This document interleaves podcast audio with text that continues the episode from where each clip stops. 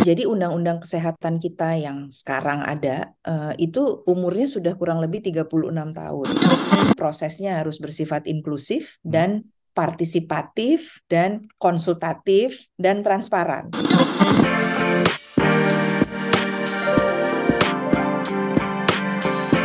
Hai sahabat TCID, kalian sedang mendengarkan podcast Suara Akademia. Ngobrol seru isu terkini bareng akademisi. Timeline sosial media diramaikan dengan pembahasan um, RUU Omnibus Law Kesehatan gitu. RUU Kesehatan Omnibus Law. Social media, especially di Twitter, kita bisa melihat banyak sekali argumentasi dari beberapa organisasi kayak ID, terus juga ada uh, beberapa dokter yang punya followers banyak menyatakan bahwa ini sepertinya harus dibahas dan dikaji ulang. Ada juga pakar hukum kesehatan yang bilang bahwa ini sepertinya pembahasannya perlu digali lebih dalam lagi dan banyak um, pengguna Twitter especially pengguna sosial media yang lain, gak cuma Twitter ya, mungkin sedikit bingung gitu. Ada permasalahan apa dengan RUU kesehatan ini? Sudah masuk ke prolegnas, by the way, sobat TCID.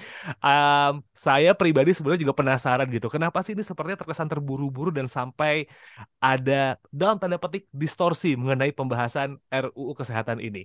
Welcome to Suara Akademia. My name is Muhammad Syarif. Saya podcast produser dari The Conversation Indonesia dan buat episode kali ini uh, membahas mengenai RUU Kesehatan Omnibus Law, kita bakal ngobrol langsung sama think tank kesehatan yang ada di Indonesia salah satunya langsung bareng sama founder dan CEO-nya ada Ibu Diah Satyani Saminarsi dari CISDI. Halo Bu Diah, apa kabar Bu? Halo, selamat sore Mas Muammar. Ya. Uh, senang sekali bisa ada di sini. Uh, mungkin kita sedikit membahas soal urgensi dulu nih Bu, mengenai um, RUU kesehatan ini nih yang dijadikan omnibus law gitu. Sebenarnya urgensinya apa ya? Menggabungkan 13 undang-undang kesehatan terus digabung jadi satu nih, Bu. Iya. Uh, jadi undang-undang kesehatan kita yang sekarang ada uh, itu umurnya sudah kurang lebih 36 tahun.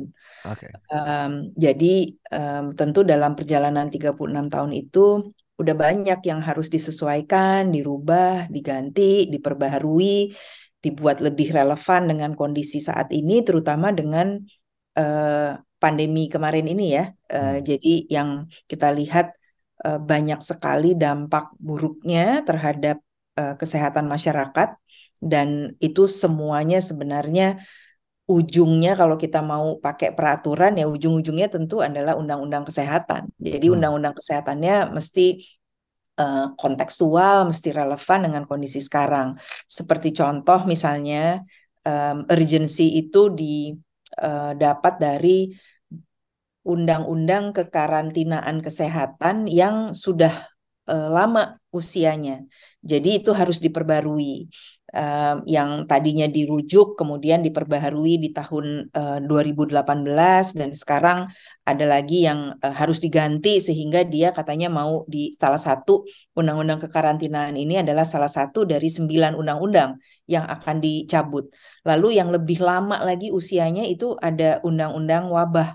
Jadi hmm. tentang undang nomor 4 tahun 84 tentang uh, wabah penyakit menular itu udah berapa 40 hampir 40 tahun Nah, itu mau di, diganti gitu. Jadi ada sembilan undang-undang yang akan dicabut. Um, kronologis waktunya yang paling lama itu tahun 84, yang paling akhir tahun 2019 ada sembilan dan ada empat yang akan dirubah. Yang dirubah ini terkait dengan hal-hal yang ber, berhubungan dengan kesehatan. Jadi seperti misalnya kita tahu kalau layanan kesehatan itu nggak berdiri sendiri, butuh juga supply uh, tenaga kesehatannya. Nah, tenaga kesehatan itu butuh pendidikan, pendidikannya diatur uh, di undang-undang uh, pendidikan. Jadi hmm. itu uh, semuanya saling kait mengait dan uh, kalau digabung itu menjadi alasan kenapa harus ada pembaruan dalam undang-undang uh, kesehatan ini. Nah, itu jawaban pertanyaannya itu dulu sebagai konteks. Jadi memang kita undang-undang kesehatan kita ini udah terlalu lama, situasi sekarang yang ada menuntut sebuah perubahan dan jadinya mau diganti gitu katanya. Basically out of date ya artinya Budiah ya. Iya. I see. Tapi kalau kita ngelihat um, trending di sosial media nih, diskusi yang lumayan panas di sosmed, banyak yang uh, mengatakan bahwa proses perencanaan undang-undang ini dan perancangannya dianggap kurang baik gitu. Mulai dari prosesnya terburu-buru, lalu juga ada yang menyinggung mengenai naskah akademik yang dianggap kurang sesuai gitu. Nah, kalau uh, Budia sendiri nih, kalau misalnya melihat uh, dari proses dan juga diskusi yang terjadi, kira-kira um, apa yang membuat proses perancangan ini kayak masih dalam tanda petik kurang sempurna? Apakah memang gara-gara masuk ke prolegnas jadi ada kesan terburu-buru atau situasi pandemi COVID-19 kemarin yang membuat kita jadi uh, apa ya mendadak kaget akhirnya harus pengen membenahi semuanya atau gimana nih?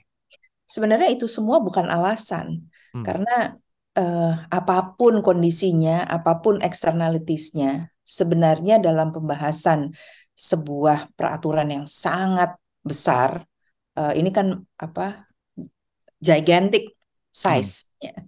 Uh, dalam pem sebuah penggantian atau perubahan peraturan yang begitu besar, apalagi ada undang-undang 9 yang dicabut, ada empat yang diganti, harusnya itu nggak lagi menjadi pertanyaan bahwa prosesnya harus bersifat inklusif hmm. dan partisipatif dan konsultatif dan transparan.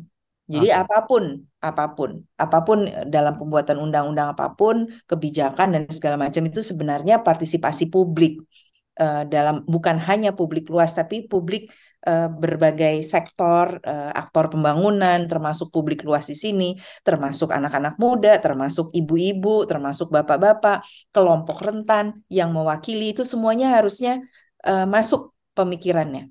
Mm -hmm. dalam setiap pembuatan kebijakan mau yang skalanya kecil apalagi yang skalanya besar. Jadi sekarang ini memang uh, bukan hanya saya pribadi tapi CISDI sebagai sebuah organisasi juga um, kami menyayangkan bahwa nggak transparan. Kita nggak pernah tahu hmm. kapan ini dibuat, tidak ada pengumuman kapan mulai draftingnya, uh, bagaimana proses penyusunan uh, draftnya, dan itu kemudian uh, berlarut-larut uh, hingga di titik akhir kemudian baru mengundang uh, uh, konsultasi publik ya, konsultasi uh, stakeholders di dalam uh, un untuk memberi input gitu.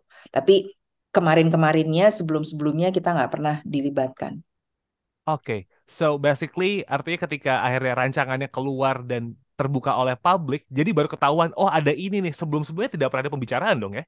Iya, jadi uh, draft yang resmi uh, dikeluarkan, disebarkan untuk konsultasi itu kurang lebih uh, dikeluarkan satu sampai dua minggu dan kemudian konsultasinya sendiri dilaksanakan. Bayangkan untuk segini luasnya konsultasinya dilaksanakan diberi waktu dua minggu. Jadi itu nggak nggak pernah ketahuan. Nah, draft-draft sebelumnya, bagaimana proses penyusunan draft hingga kemudian sampai kepada draft yang disebarluaskan itu uh, tidak ada pelibatan yang uh, inklusif, partisipatif maupun transparan kepada masyarakat sipil uh, dan kepada pemangku kepentingan yang lain juga dan juga kepada publik. I see. Nah, kita berbicara soal isinya nih, uh, Budia. Ini jadi lumayan menarik karena banyak sekali isi dalam draft RUU Omnibus Law Kesehatan ini yang menjadi uh, bahan pembicaraan gitu. Kalau kita berbicara soal perbedaan mendasar nih yang ingin diubah dari RUU Kesehatan versi Omnibus Law sama yang lama, ada perbedaan mendasar nggak sih yang kelihatan pengen diubah gitu Bu? Sama mungkin ada beberapa contoh uh, isu krusial yang bisa Ibu dia jelaskan gitu, yang jadi perbedaan dari yang lama sama yang baru nih Bu, yang diusulkan sekarang? Uh, ada ada beberapa hal ya. Uh, yang pertama itu ada uh, di yang baru ini hmm. mengusulkan penghapusan minimal anggaran kesehatan hmm. uh, pada APBN atau APBD. Jadi kalau di undang-undang yang lama itu di uh, ada ada tulisan 5%, saat ini nggak ada. Hmm. Uh, di di yang baru. Lalu uh, kemudian um, cara memperoleh pen, apa continuing education pendidikan berkelanjutan untuk memperoleh SKP yang tadinya ada di organisasi profesi sekarang dipindah ke pemerintah pusat. Okay. Dan bergandengan uh, itu di yang ada diusulkan di dalam draft uh, ini yang terakhir. Kemudian bergandengan dengan itu juga ada usulan uh, eh, BPJS Kesehatan yang uh, berada nantinya di bawah uh, Kementerian Kesehatan. Jadi tata hmm. kelola yang berubah dari uh, uh, apa Kemkes sebagai regulator dan uh, BPJS sebagai uh, badan yang melaksanakan jaminan kesehatan nasional itu mau digabung jadinya Kemkes yang juga membawahi sebagai regulator tapi sekaligus dia yang uh, membayarkan juga untuk uh, BPJS. Ini uh, bergandengan. Lalu soal pendidikan kedokteran yang um, apa ada ada demo dan segala macam yang kemudian menjadi sangat uh, polemik. Uh, itu mau dibuat menjadi hospital based uh, education uh, dan uh, kemudian dengan harapan bisa menghasilkan dokter-dokter spesialis lebih banyak lebih cepat. Um, dan di ada juga soal uh, dihapuskannya organisasi profesi dalam proses penjagaan mutu tenaga hmm. medis dan kesehatan. Jadi ada ada peran organisasi profesi yang um, secara fundamental berubah. Selain itu uh, di dalam masih di dalam ranah sistem kesehatan itu sendiri ada tentang primary healthcare. Primary hmm. healthcare di mana uh, katanya menjadi transformasi, tetapi belum uh, secara jelas mencantumkan bagaimana pengaturan untuk kader kesehatan. Itu hmm. kemudian yang uh, diberikan um, input bagaimana sebenarnya untuk uh, apa um, para para kader kesehatan ini. Um, ada soal um, satu lagi soal rokok ya hmm. yang juga um, kita kita we take note bahwa itu penting uh, itu adalah isu yang selalu dikedepankan oleh uh, CISDI dan uh, rokok ini juga menjadi salah satu yang uh, penting di sana di mana di situ sudah tercantum bahwa ada rokok sebagai uh, zat adiktif. Itu hanya se sebagian yang uh, kita bisa jelaskan di sini, tapi itu sangat sangat krusial karena apabila mau transformasi uh, sistem kesehatan, transformasi layanan kesehatan primer, maka semua isu yang tadi saya sebutkan di atas itu yang menjadi um, sebenarnya battlegroundnya gitu. Kalau perubahannya benar, maka transformasi bisa terjadi. Apabila perubahannya hanya scratching the surface atau um, salah, lebih bahaya lagi. Transformasinya tidak terjadi. Akhirnya transformasi layanan kesehatan primer yang menjadi salah satu pilar dari enam pilar yang uh, disampaikan oleh Kementerian Kesehatan itu bahkan bisa tidak terjadi kalau uh, salah kita menaruh uh, fokus dan uh, titik berat pada perubahan di RUU kesehatan ini. Karena jangan sampai perubahan-perubahan di tempat-tempat yang tadi itu justru berpihak pada uh, lebih lagi kepada investasi untuk industri kesehatan, hmm. bukan untuk perubahan sistem transformasi kesehatan yang mendukung promotif preventif, uh, termasuk rehabilitatif hingga paliatif, yang perlu kader kesehatan, yang perlu uh, support untuk layanan kesehatan primer dan lain sebagainya. Ini yang um, secara umum terjadi. Baik, uh, saya jadi uh, punya pertanyaan nih uh, Budiah gitu mengenai uh, sistem kesehatan spesial secara nasional gitu ya. Kalau kita berbicara tadi dari undang-undang uh, yang akhirnya 9 di take out, 4 diubah tadi sempat dimention bahwa um, BPJS akhirnya akan dihandle langsung sama Kementerian Kesehatan. Lalu juga uh, pendidikan profesi yang sepertinya akan sedikit berubah dan akhirnya kemarin sempat jadi perbincangan lumayan banyak orang ya. Pendidikan spesialis, Dan, pendidikan, pendidikan spesialis, ya? spesialis ya. ya. Betul. Itu jadi jadi uh, perbincangan gitu. Nah, dengan adanya uh, draft yang sekarang nih Bu gitu. Dampak perubahannya terhadap sistem kesehatan secara nasional tuh apa aja? Dan hmm. ini kayaknya nggak cuma buat tenaga kesehatan ya, tapi masyarakat pengguna layanan kesehatan juga kayaknya terkena dampaknya dari uh, draft yang terakhir nih Bu. Oke, jadi yang yang BPJS itu dari draft pertama yang keluar, kemudian CISDI memberikan masukan, uh, itu uh, kemudian tidak jadi dikerjakan. Jadi awalnya draft yang keluar itu uh, menginginkan BPJS di bawah Kementerian Kesehatan, tapi kemudian diberikan masukan dan akhirnya di draft berikut itu enggak enggak enggak terjadi. Okay.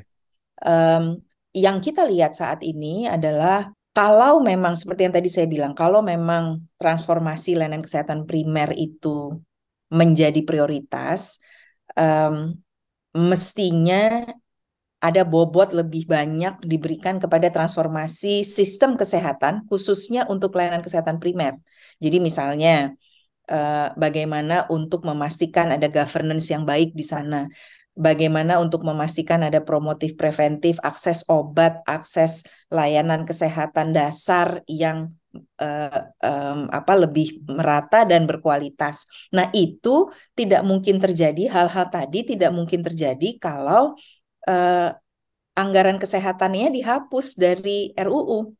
Hmm. Dari Undang-Undang Kesehatan. Karena semua ini yang tadi saya sebutkan untuk layanan kesehatan primer itu sumbernya adalah si anggaran yang 5% tadi untuk promotif preventif untuk memastikan akses kepada obat-obat yang um, misalnya ya untuk penderita HIV AIDS ada obat yang harus diberikan oleh negara ya itu sumbernya dari yang lima persen. Jadi nggak segitu aja udah udah kurang. Apalagi hmm. kalau itu dihapuskan dan setiap kali harus terjadi perdebatan mengenai berapa anggaran yang harus diberikan untuk kesehatan. Ini akan problematik.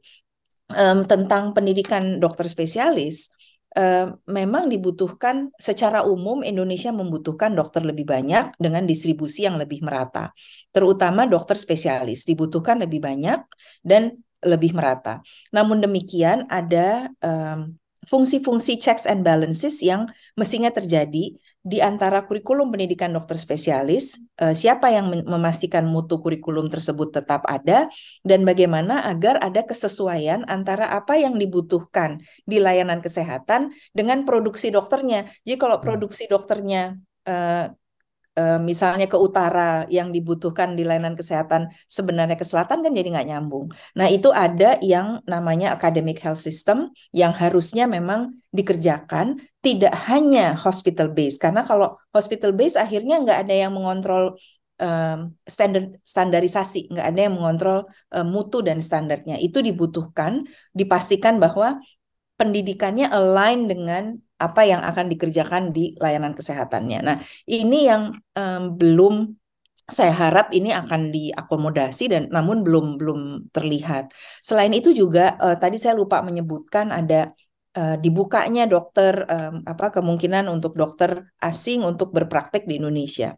Um, secara secara konsep saya nggak tahu ya ini ini tentu um, kita harus melihat evidence scientific evidence yang ada sebelum betul-betul dilihat uh, nanti di, dibuat sebagai policy dan saya harap draft ini sudah berdasarkan uh, ini sudah evidence based tapi uh, dalam membuka kesempatan untuk dokter asing um, masuk ke dalam wilayah negara, mestinya ada terms and conditions yang diatur secara lebih detail. Misalnya di daerah mana saja, apakah hanya di layanan kesehatan primer, ataukah hanya di layanan sekunder, uh, apakah harus bisa berbicara bahasa dulu, ada standar bahasa supaya pada saat melakukan anamnesa tidak tidak uh, salah. Nah, detail-detail ini yang mestinya juga ada di dalam eh, undang-undang uh, atau kalau memang dimaksudkan untuk diturut nanti ada di dalam peraturan turunannya, paling tidak ada proses konsultasi di mana hal tersebut bisa dijelaskan. Nah, balik lagi ke masalah inklusi dan masalah transparansi dalam tata kelola penyusunan RUU ini. Gitu. Artinya permasalahan undang-undang sorry, draft eh, RUU ini yang sifatnya tidak inklusif yang ujuk-ujuk ada yang membuat protes dari membuka banyak sekali per, ya membuka oh, banyak ya? sekali pertanyaan open ended jadinya dan ah, itu yang iya. harusnya bisa di harusnya bisa dijelaskan oleh uh, para pemangku kepentingan yang menyusun uh, dan kemudian uh, sebagai konsekuensinya pihak-pihak di yang non pemangku kepentingan apabila menerima penjelasan tersebut dibuka kesempatan untuk memberikan input yang berdasarkan evidence. Karena di situlah sebenarnya kita ini ada kan, civil ya. society ada karena kerjaannya memang melakukan penelitian, generating hmm. evidence, mengumpulkan evidence. Ya, evidence kita itulah yang kami minta untuk diterima sebagai evidence tanpa ada baggage apa pun. Hmm. Sebagai scientific evidence. Itu memang kegunaannya masyarakat sipil, kegunaannya lembaga penelitian dan ini yang kita sayangkan mungkin. Kita ada di sini kok. Kenapa why don't you utilize us better? Mungkin lebih gitu ya uh, ininya dan um, um, kalau ditanya ke rekan-rekan dari um, organisasi profesi yang kemarin melakukan protes dan segala macam, mungkin juga sebenarnya fundamentalnya itu bahwa masukan kita itu uh, didengar, diberikan ruang dan uh, tidak untuk dibungkam. I see. Jadi sebenarnya memang um, proses yang tidak inklusif menjadi uh, muara dari permasalahan uh, banyaknya diskusi Ujung publik. pangkalnya, iya. Okay. I see. Dan yang menjadi pertanyaan akhirnya ini menurut saya, um, kalau misalnya memang sampai pada akhirnya poin penolakan sudah disampaikan dan ada ketakutan dari masyarakat, bu, uh, kalau melihat dari undang-undang sebelumnya yang sifatnya gigantik, usul masyarakat didengar tapi dikit banget ujung-ujungnya disahkan gitu. Iya. yeah. What happened kalau misalnya memang pada akhirnya ini terulang lagi, amit-amit terulang lagi sih sebenarnya, iya. amit-amit yeah. jangan sampai terulang lagi dan akhirnya yeah. kita punya undang-undang yang jauh lebih um, inklusif gitu. Kalau misal terjadi seperti yang kemarin, yang sama-sama omnibus law juga nih bu, what happened? Ya itu tadi. Uh, amit-amit jangan sampai terjadi seperti itu. Kenapa? Karena uh, omnibus law yang kemarin maupun yang sekarang itu menyangkut hajat hidup orang banyak. Hmm. Apalagi kalau kita bicara soal kesehatan itu directly secara langsung menyangkut nyawa seseorang. Yes. Dan sebenarnya kan eh, nggak bisa dibilang bahwa pertaruhan nyawa itu hanya terjadi di rumah sakit atau di klinik atau di puskesmas. Karena ujungnya itu adalah semua yang terjadi di fasilitas kesehatan itu terjadi karena ada sebuah peraturan yang membuat servis itu bisa berjalan, servis itu hmm. bisa ada, jasa itu layanan kesehatan bisa ada. Kalau nggak ada aturan, nggak ada kebijakan, nggak ada regulasi, eh, tenaga kesehatan juga ragu-ragu terus memberikan layanan kesehatan berkualitas. Kan ada standar, ada benchmark. Se seperti apa layanan kesehatan yang bagus itu. Jadi kalau pertanyaannya kayak tadi ya, aduh semoga tidak terjadi. Tapi kalau misalnya Um, karena ini kalau kita bicara soal plausible scenarios, skenario nggak terjadi sama skenario terjadi, kemungkinannya sama-sama besar ya, 50% 50%. Betul. Jadi kita uh, harus harus juga berpikir bagaimana kalau sampai skenario bahwa tadi yang disebutkan akhirnya ujung-ujungnya disahkan juga gitu in the very last minute. Um, PR ke depan untuk kesehatan akan makin banyak. Yes. Saat ini saja um, sudah sulit untuk menyelesaikannya. Hmm. Kita membutuhkan peraturan perundang-undangan yang baru agar kita bisa menyelesaikan PR-PR kita di bidang pembangunan kesehatan dengan lebih cepat dan lebih baik. Jadi kita bisa ngejar target pembangunan kesehatan tuh kalau ujungnya mau mencapai RPJMN kah atau mau mencapai SDGs kah itu butuh peraturan perundangan yang robust, yang relevan, yang partisipatif, inklusif dan segala macam berdasarkan evidence. Itu dibutuhkan. Nah, kalau sampai ternyata sekarang terjadi seperti yang tadi Mas Muammar bilang, um, PR berikutnya akan lebih besar karena berarti akan ada proses amen, amendment lagi. Mm -hmm. Ngulang lagi dari depan. Proses konsultasinya harus dibuat lebih inklusif. Jadi kayak kerja dua tiga kali. Dan itu makin lama pembuat kebijakan bekerja me melaksanakan proses ini dengan baik sementara itu nyawa orang bisa melayang jadi we are losing time. Dan kalau di dunia kesehatan di mana bisnisnya mohon maaf kata yang lebih baik mungkin bukan bisnis tapi apa ya eh, di apa prosesnya itu sebenarnya dipakai untuk menyawat menyelamatkan nyawa orang makin lama proses itu berjalan makin banyak nyawa yang melayang. Oh. itu aja jadi saya harap betul-betul amit-amit jangan sampai terjadi tapi kalau iya dan the consequences adalah kita ngulang dari depan proses amandemennya harus berjalan dengan lebih inklusif lebih partisipatif jangan ada deadlock lagi lebih bisa ada kebesaran hati untuk saling mendengarkan, agree to disagree mungkin, tapi hmm. semuanya dibuat berdasarkan evidence. Dan di situlah sekali lagi letak um, para dokter ini atau para nakes ini juga kan scientist dan yes. mereka biasa uh, melakukan uh, penelitian. Kami yang bekerja di layanan kesehatan primer yang bicara soal pentingnya gender lens itu akan menjadi satu kesatuan yang baik kalau sebenarnya bisa didengarkan dan diambil isi kepalanya, isi penelitiannya. Jadi lumayan redundant kalau pada akhirnya nggak mau buka Iya, telinga ya. iya. Gitu. Se- Walaupun sebenarnya bisa jadi sebuah orkestra yang sangat cantik gitu. Hmm. Kalau ini semua beberapa pihak ini bisa bermain bersama, kalau kesempatannya dilepas, ini akan jadi redundant. Oke. So, keterbukaan satu sama lain saling mendengarkan menjadi kunci di RUU kesehatan ini. Iya, Betul begitu, Bu Dia? iya. Untuk kesehatan, kebaikan semua pihak. Jadi mestinya kita sebagai yang orang-orang yang bekerja di bidang kesehatan ini eh, panggilan altruismenya tuh kan tinggi. Eh, Mhm. kita sebenarnya pekerja kemanusiaan, jadi menyatukan visi bahwa ini sama-sama buat buat kebaikan banyak pihak, kesehatan dan nyawa banyak orang. Jadi let's leave our differences at the door gitu. Jangan jangan em, apa ayolah sama-sama saling mengalah merangkul dan ini yang kita sampaikan eh, terus-menerus. Jadi CISDI tetap secara substantif ingin bahwa undang-undang ini lebih tajam, tetapi juga kami mengingatkan bahwa menuju undang-undang yang tajam itu prosesnya juga nggak kalah penting. Baik. Um, CISDI ini by the way Sobat Isi ID em, kalau misalnya buka di website di cisdi.org itu banyak sekali eh, siaran pers bahkan kayak hasil em, apa ya pengamatan dan juga penelitian mengenai draft dari RUU kesehatan ini disampaikan di eh, website mereka. Mungkin Bu Diah ingin menyampaikan Bu temuan CISDI atau misalnya mungkin ada Sobat Isi ID yang pengen ngelihat secara detail apa yang sudah eh, CISDI teliti, apa yang CISDI soroti gitu. Mungkin bisa disampaikan di sini Bu Diah. Iya, jadi em, ada sedikit ada ada policy brief yang Mhm. eh, atau daftar inventaris masalah eh, ur- RUU kesehatan yang eh, dikeluarkan oleh CISDI. Ada berbagai eh, hal yang kami soroti di sini. Satu tentang integrasi layanan primer.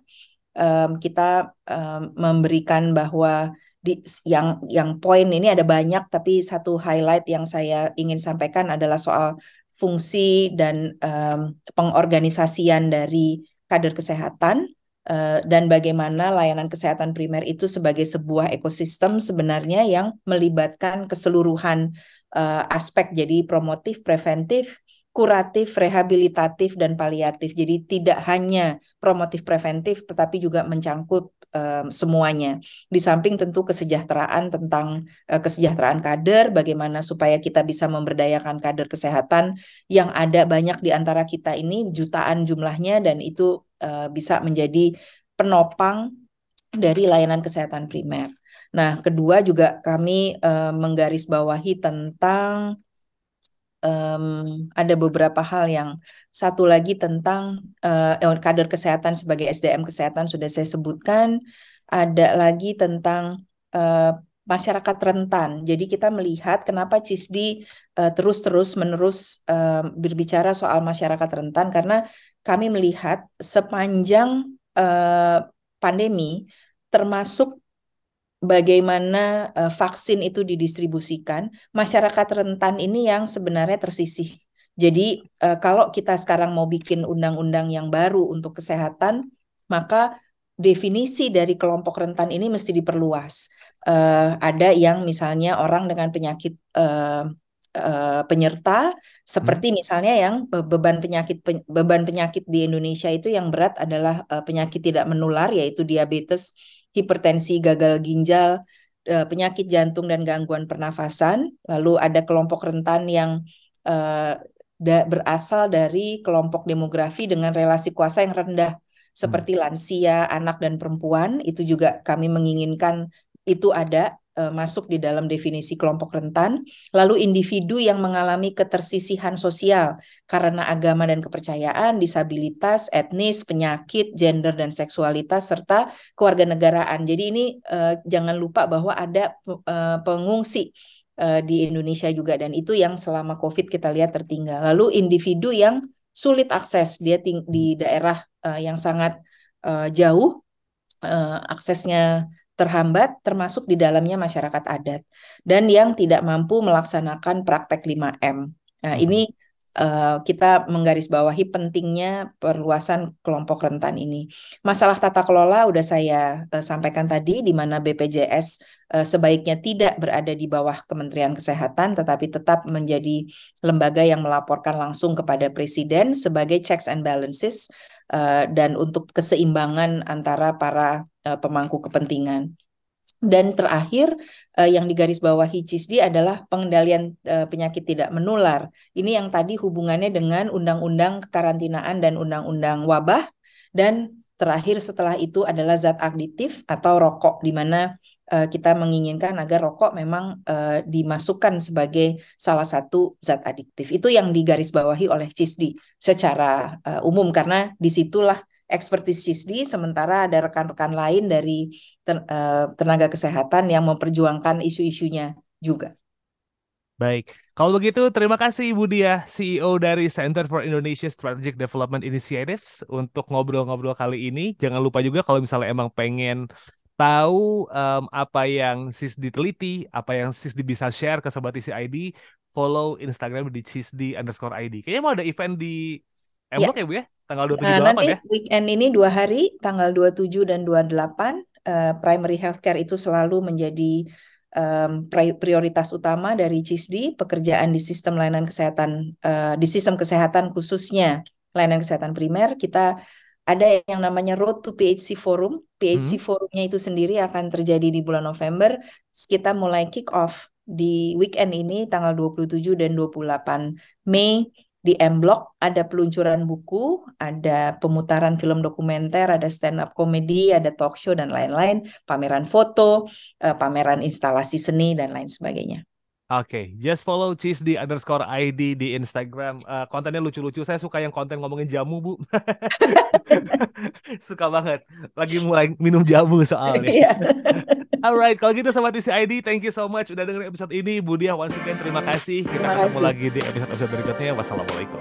Kalian telah mendengarkan podcast Suara Akademia. Ngobrol seru isu terkini bareng akademisi.